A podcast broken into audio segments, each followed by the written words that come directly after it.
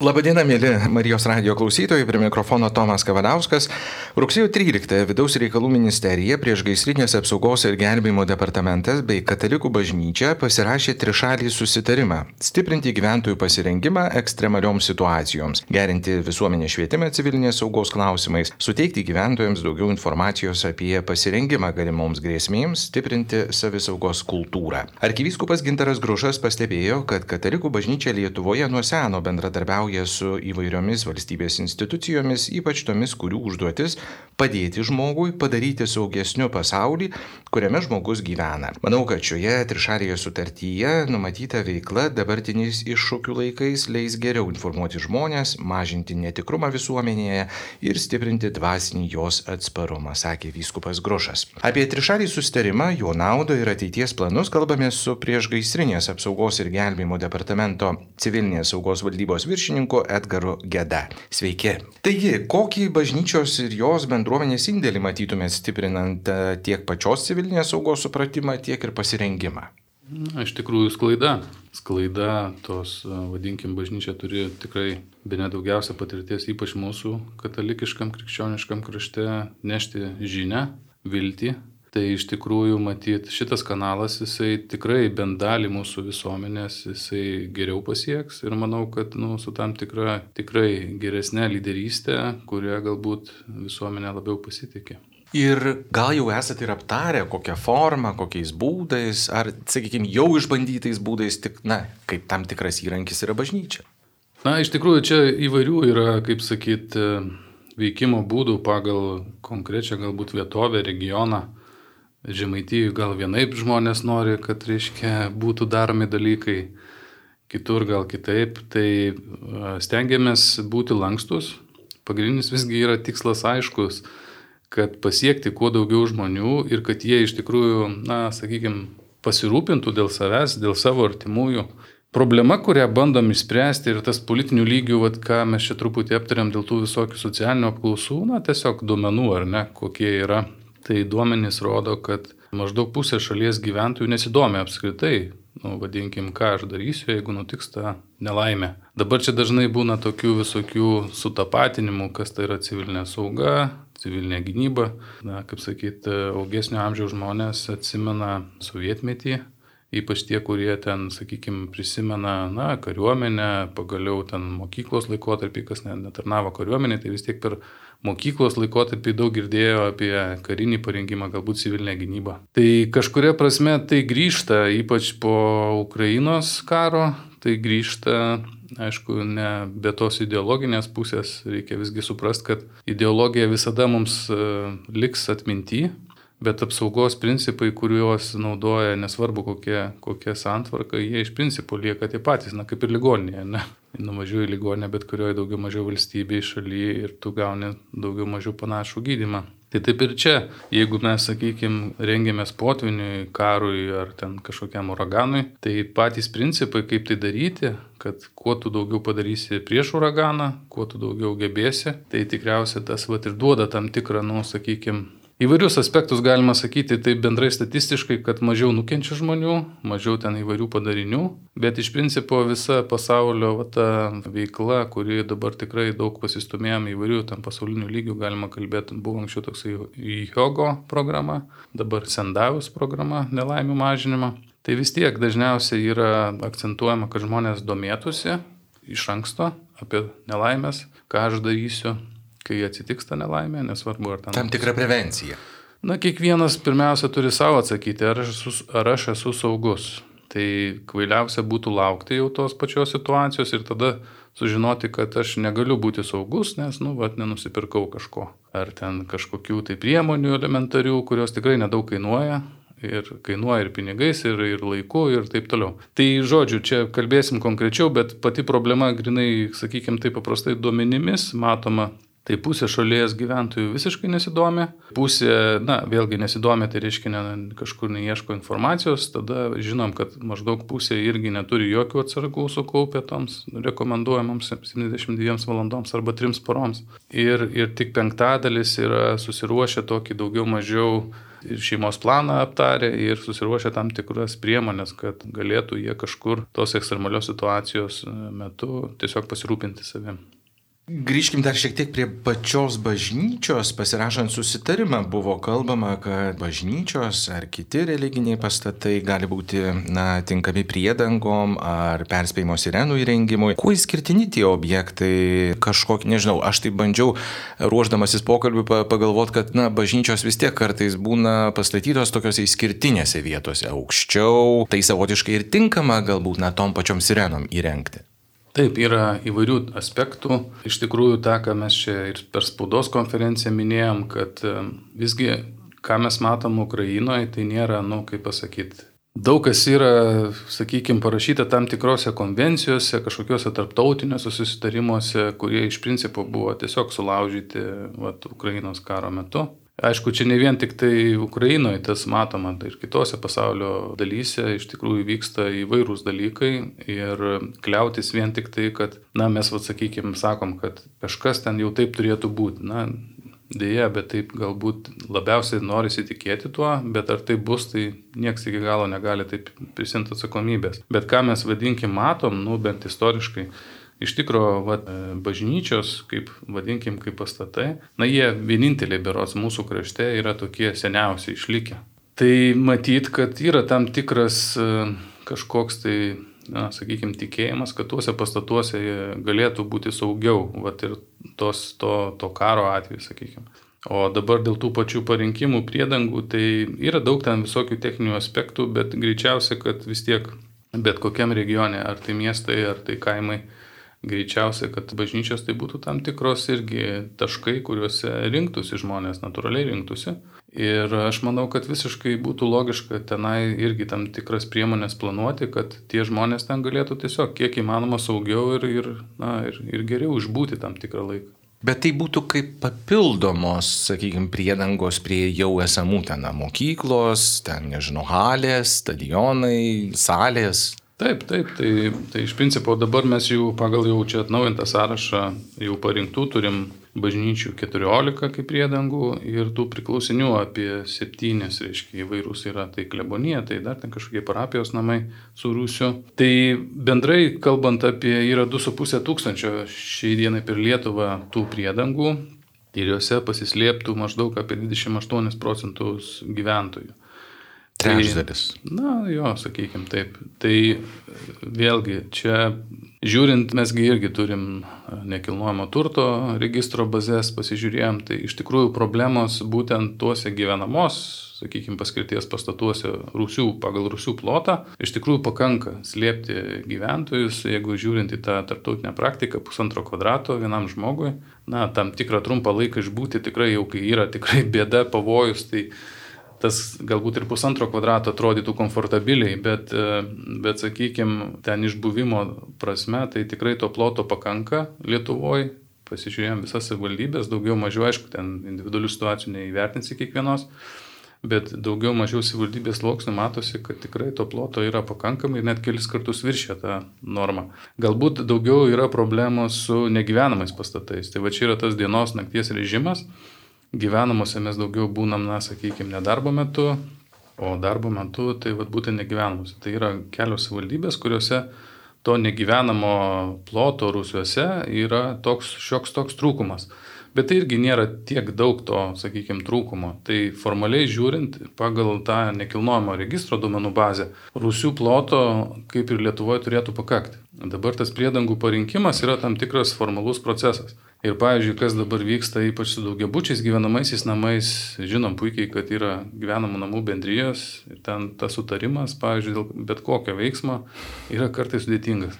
Na tai va, tai žodžiu, ten įvairių diskusijų būna, bet vienas iš tokių dažniausių atvejų tiesiog žmonės baiminasi, kad jeigu aš formaliai tą savo rūsį kažkaip leisiu priskirti priedangai, tai kažkas gebės ten pasinaudoti, kad ir ne karo metu, ir ten kažką, na, paimti, išnešti ir panašiai. Tai dažniausiai tokios yra baimės. Kalbant apie civilinę saugą, na, labai dažnai suprantame labai siaurai, kad tai tos pačios lėktuvės, kaukiančios sirenos, bet civilinė sauga tai yra, ko gero, daug platesnis kontekstas. Tai dabar, jeigu kalbam apie tuos pačius rusius, tai kada mums jų gali prireikti, kokiais atvejais? Ar tik karo, nes turim visai netolimą pavyzdį, e, kur vyksta atviri karo veiksmai, Ar visgi yra ir e, esant kažkokiam kitom situacijom, nežinau, viesului, brandoliniai avarijai ir kitoms? Na, iš tikrųjų, iki 22 metų vasario 24 mes iš principo daugiausia tokių pastangų dėjom į pasirinkimą brandoliniai galimai avarijai kaiminėje Baltarusijos Respublikoje. Ir ten tikrai daug yra padaryta, daug investicijų ir realiai to pokyčio daugiau yra pasirinkime.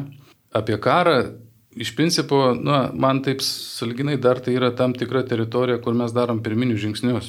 Ir aš manau, kad čia karo scenarius iš esmės e, mes turėtume kalbėti jau nebe civilinę saugą, o apie civilinę gynybą.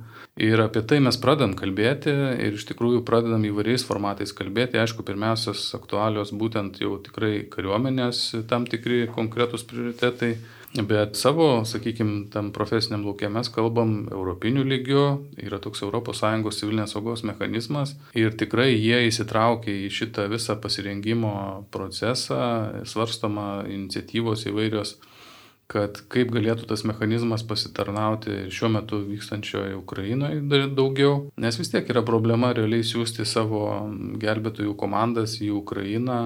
Na, tikrai tas pavojus jis yra kitoks negu kad žemės drebėjimas, potvinis ar ten bet koks kitas reiškinys daugiau mažiau. Tai šitoje vietoje mes pradedam kalbėti ir iš tikrųjų iki šiol konkrečiai dar nėra aišku, kuri ta, kuris tas formatas labiau bus naudingas, bet e, vyksta pokalbiai pokalbiai ES, reiškia, institucijose ir vyksta tuo pat metu pokalbiai NATO struktūrose. Ir nežinom, kuri konkrečiai labiau, reiškia, lyderiaus civilinės gynybos va šituose klausimuose. Bet iš esmės taip, yra vienas tokių pirminių esminių dalykų, tai yra tiesiog gyventojų apsauga karo, karo metu. Ir, ir įvairūs ten yra tam tikri specifiniai dalykai, kaip ta informacija yra viešinama, nes tikrai yra jautru viską viešinti ir, ir taip toliau. Bet va tos temos, kurios, vadinkim, dažnai yra tokie tie patys pajėgumai, kuriuos mes naudojam, sakykim, paprastom tom taikos ekstremaliom situacijom, jie ir naudojami ir tinka tom karo, karo situacijom, tik tai tiek, kad jų naudojimas šiek tiek yra kitoks. Tai va, tai tą, ką mes darėm daugiau mažiau pasirengimui brandulinį avariją, iš principo dabar gali būti dalis jų tikrai panaudota ir pasirengimui karui. Kalbant apie Rusijos, tai iš tikrųjų čia galbūt išskirtinis iš tikrųjų labiau karo momentas, nes visais kitais atvejais, jeigu tai būtų kažkokios, imkim, netgi ir cheminės avarijos, mes nerekomenduojame, reiškia, rūsių naudoti, nes ten kaip tik gali būti daugiau, daugiau žalos. O karo atveju būtent dėl tos oro atakos, ypatingai kalbant dabar, tai tai yra saugiau.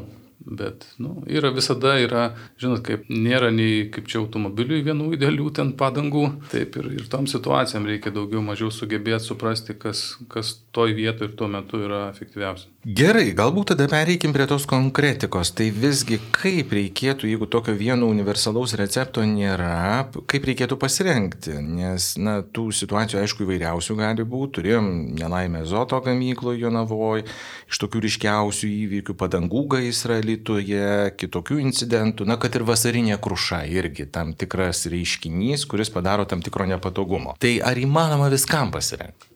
Jo, čia geras klausimas. Pasakyk, taip ar ne? Turbūt, ai, nu, galiu pasakyti, ką aš girdėjau BBC kažkada, čia buvo svarstymai, sako, kuri geriausia valstybė, žiūrint pagal statistinius duomenis vėlgi, kuri geriausiai valstybė pasaulyje yra pasirengusi, pavyzdžiui, įvairiems tiems, iškia, štormams. Na, žinot, kai iš jūros ateina didelė audra mhm. ir jinai įsirėžia į krantą ir tada ten pridaro daug labai visko.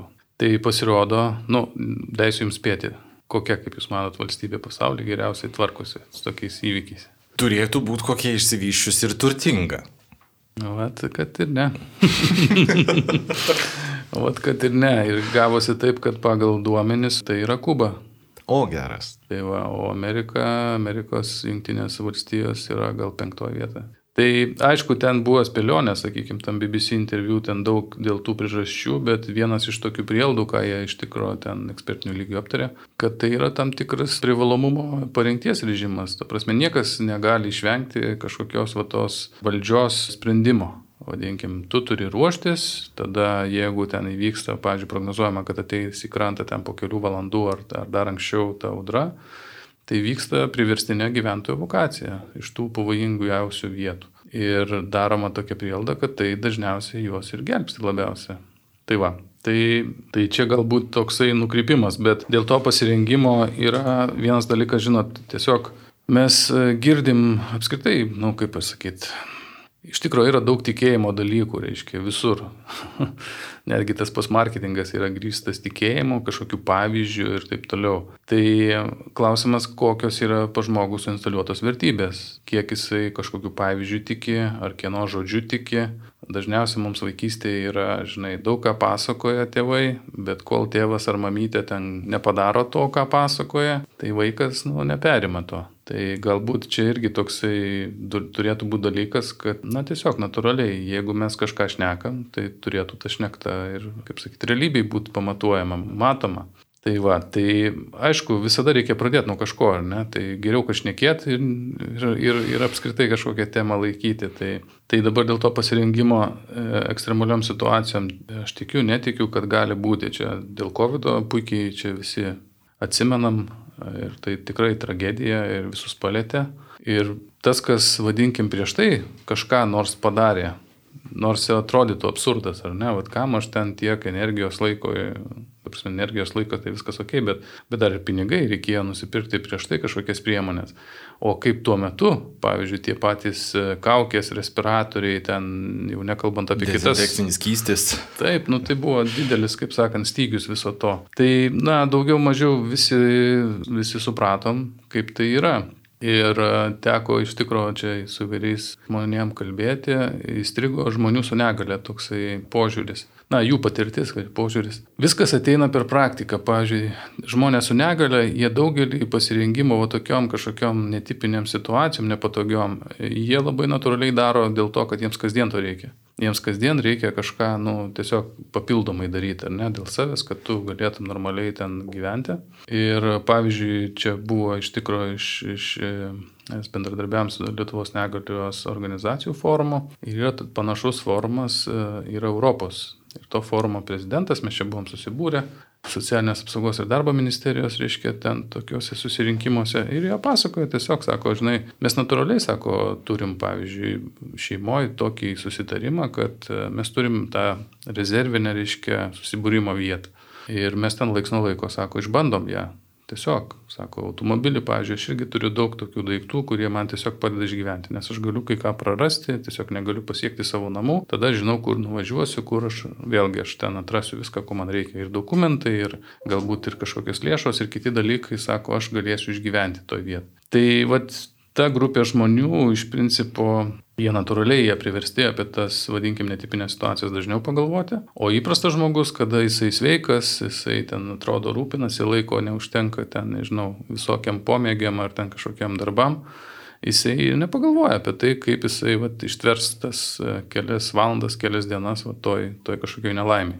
Tai va, o mūsų tas darbas iš esmės, na žinot, kaip e, kariškiai apie karą visada, mes apie nelaimės, apie tas ekstremalias situacijas. Tai va, toks ir Toks ir mūsų darbas. Jeigu eitume prie to pirminio pasirengimo, kokių išteklių reikia, kokie jie turėtų būti, kaip paskaičiuoti, ar užteks ar neužteks. Minimos yra tos 72 valandos, bet mes ir to reiškinio kažkokio suplanuoti negalim, ar kažkokios nelaimės, kiek jinai ten truks, gal ten reikia 10 dienų, ne, nebūtinai 72 valandos.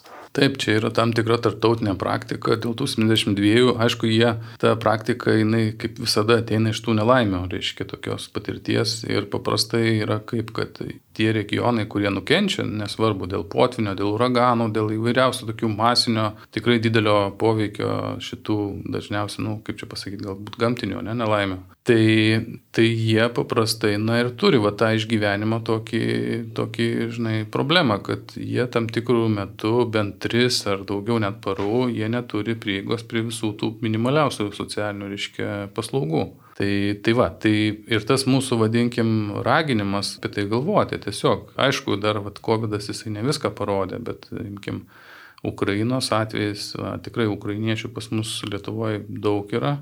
ir visuomenė gali tikrai iš jų sužinoti betarpiškai, kaip, kaip buvo, kaip yra. Tai šitoj vietoje ir kas labiausia kam padėjo. Tai tie matyt, kurie, na, turėjo kažkokios daugiau tų artimųjų pagalbos ir taip toliau, jiems gal sekėsi geriau, bet iš tikrųjų visokių liūdnų labai istorijų tenka girdėti. Tai visas tas mūsų tikslas iš tikrųjų, na, kiek kiekvienas, žinot, Kiekvienas asmeniškai tą turi padaryti, niekas už jį ten nepadarys to. Ir klausimas tada, koks tas pavyzdys paskatintų tą daryti, nes reikalas tame, kad kol mes nepaverčiam kažko įpročio, tol mes negalim tuo rimtai pasitikėti. Tai dabar tas įprotis kada atsiranda? Jeigu jūs tikrai turite tikslą na, įgyti ten kažkokį tai įprotį, pavyzdžiui, ruoštis greitai, tai tada tiesiog reikia pabandyti kartoti tai. Ta visa metodinė pagalba, ką dėti, kaip dėti, ten žibintuvėlį, radioimtuvą ir taip toliau, jinai surašyta mūsų tinklapyje, yra visokių pavyzdžių, ir, ir, ir tų vadinamų vaizdo klipų ir taip toliau. Bet elementariausiai aš tai siūlyčiau kiekvienam asmeniškai šeimoje, nes kiekvienas turim tam tikras atsakomybės pagal artimųjų ratą, tą komandą vadinamą, tą komandą turi susirinkti ir suplanuoti. Galima, kas padeda, įvairiai padeda. Padeda tokia, kaip čia, gamifikacija. Tai ta gamifikacija, tai tiesiog galima suplanuoti išvykimą į kažkokią gamtą pas artimą į tiesiog taip įsivaizduojant, kad tikrai mes neturėsim kažkokių tai sąlygų, pavyzdžiui, normaliai komunikuoti, galbūt negalėsim pasiekti priekybos centro, galbūt kažkokie keliai bus užkirsti, reikės naudotis galbūt kažkokiam netgi netipiniam transporto priemonėm.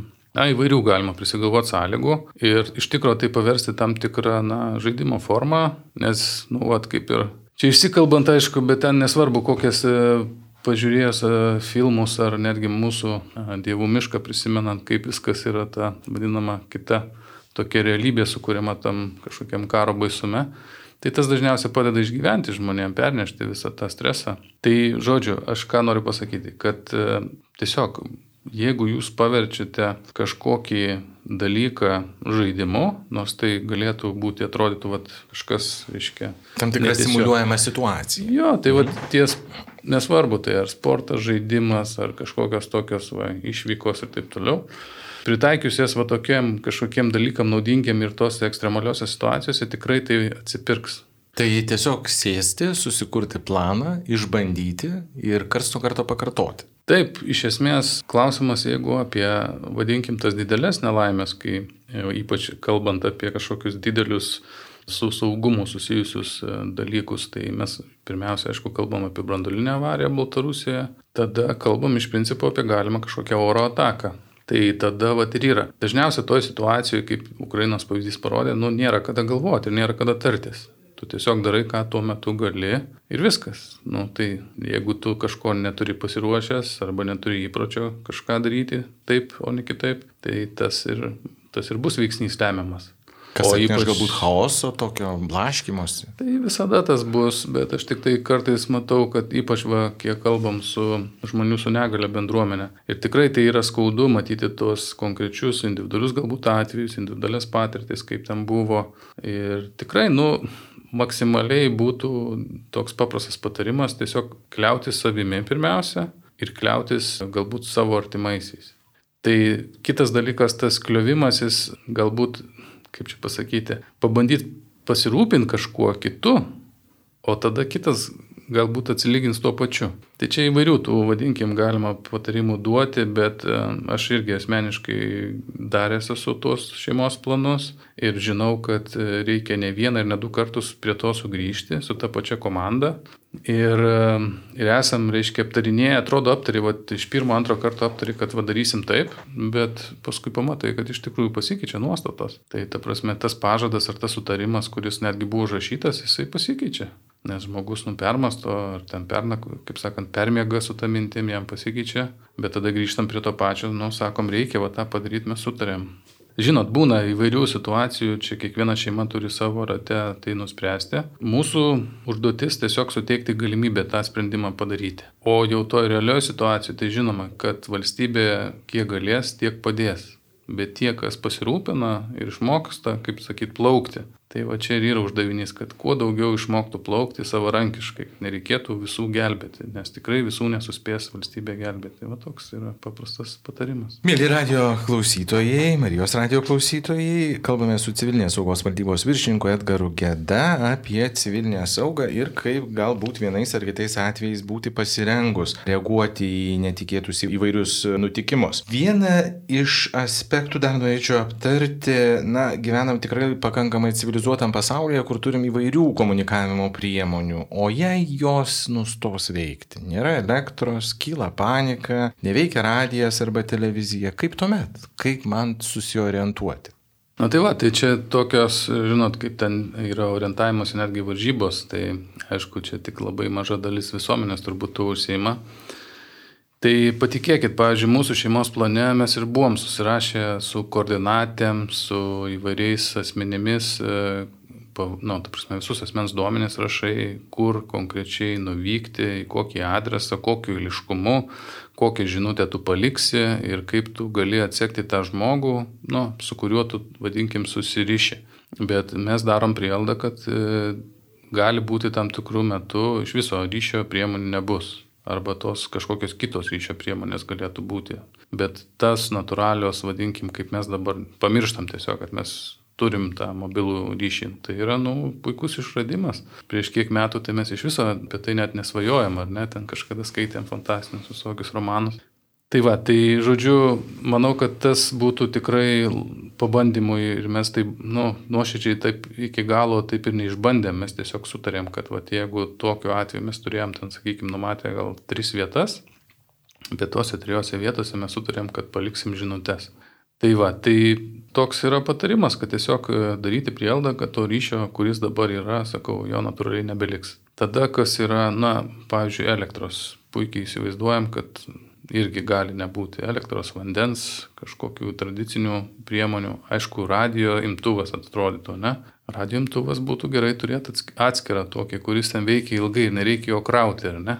Tai va tas atrodo kažkaip net sena užmiršta, bet tą pakankamai naudinga pasižiūrėti. Yra daug kitų ten įvairių priemonių, bet žinot, kaip į puikiausių yra pavyzdžių, Amerikoje yra tokia bendruomenė preperiai vadinasi ir jie ruošiasi įvairiems ten kataklizmams. Tai aišku, čia nėra, nėra galbūt prasmės daug kalbėti apie juos, kad, nes jie tikrai žino įvairiausias rizikas, ten tokių, kurių mes čia patys kaip specialistai nežinom.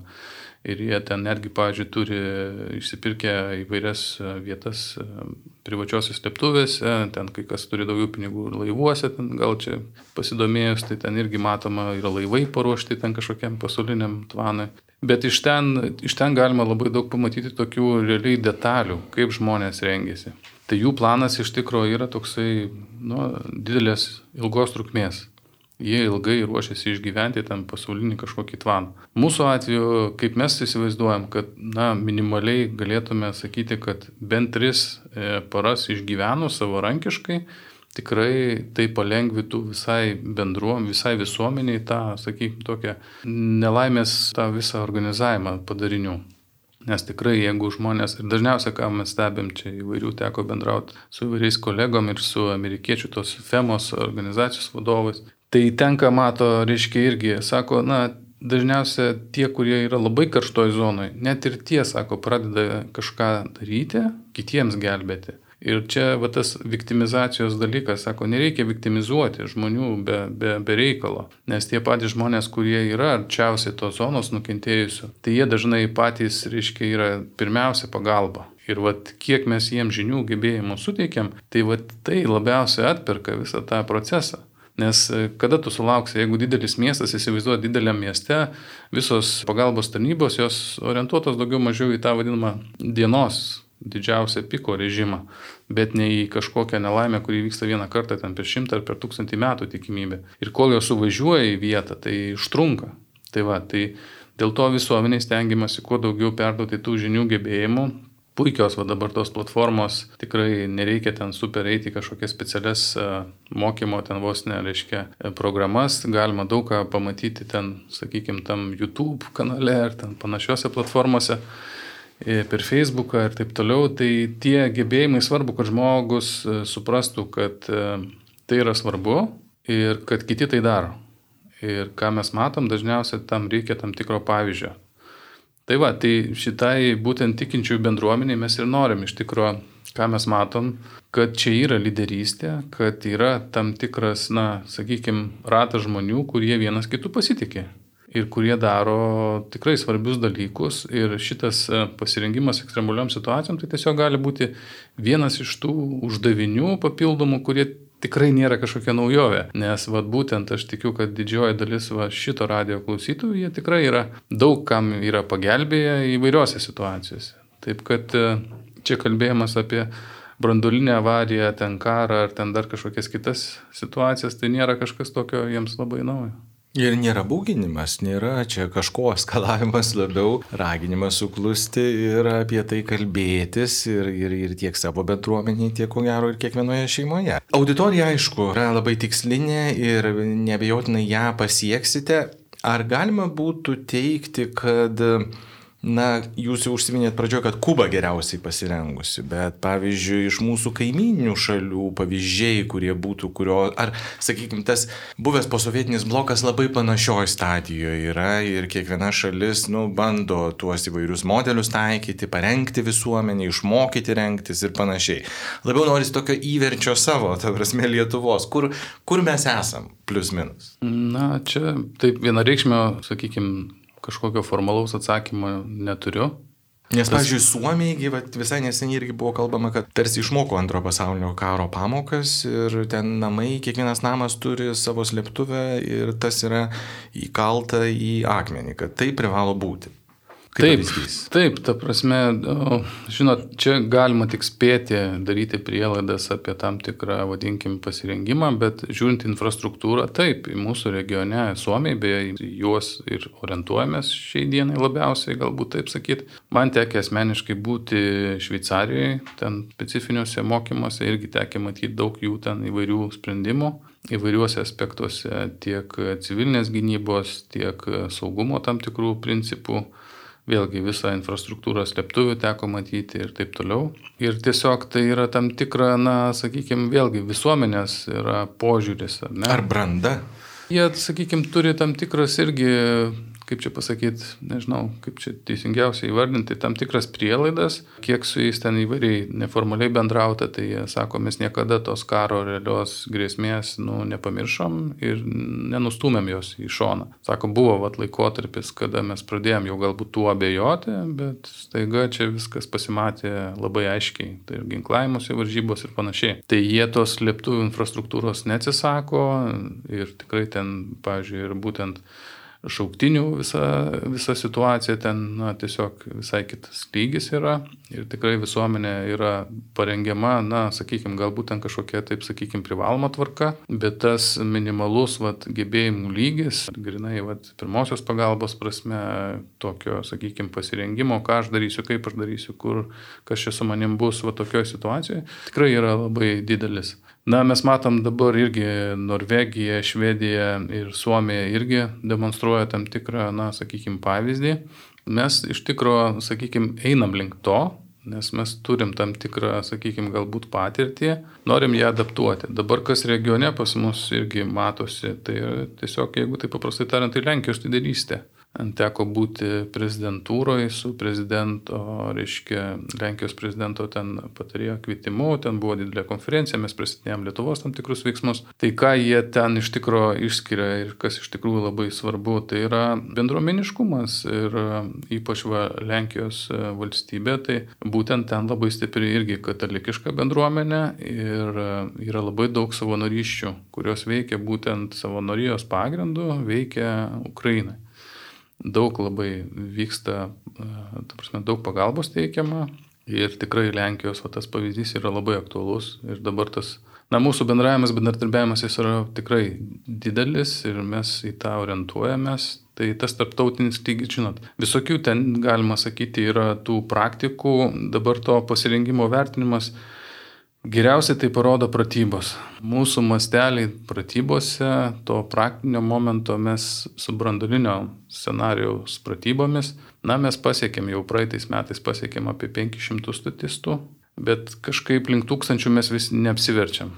prasme. Ir mes treniruojam dažnai tą auditoriją, kurią lengviausia treniruoti. Tai yra vaikus ir be galbūt specialiųjų poreikių. Bet pamažu jau šiais metais, va, rugsėjo 21 dieną, e, tokios atsiranda labiau mokomosios pratybos ir tikrai e, čia matyt bus proga ir žiniasklaidai pamatyti tas pratybas ugnegesių gelbėtojų mokykloje, čia netoli Vilnius, Valčiūnuose. Manau, kad tai tikrai būtų nu, vertingas toksai pastebėti dalykas, nes tikrai jau įvertinami į tuos pratybų elementus e, žmonių su negale poreikiai. Ir ką mes irgi sakom, kad e, pavyzdžiui, didžiausia, sakykime, tai yra, kam reikės pagalbos. Na, tie, kurie savim negali pasirūpinti. Tai, tai, va, tai būtent tie vieniši su įvairiom problemom e, gyventojai, kuriems tikrai reikia tos pagalbos papildomo tam tikro, kaip sakant, irgi, ar tai ten ne fizinės pagalbos, ar psichologinės, ar dar kažkokios, bet su jais vat ir bus e, klausimas, kaip mes su jais dirbam.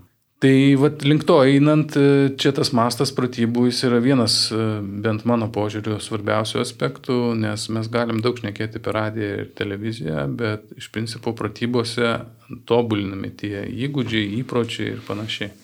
Ačiū labai už pokalbį. Iš tikrųjų, kas susigundys, ko gero gali apsilankyti pratybose, yra kviečiami prie Vilniaus į Valčiūnus, o studijoje pas mus buvo priešgaistinės apsaugos ir gerbimo departamento civilinės saugos valdybos viršininkas Edgaras Geda. Likite sveiki.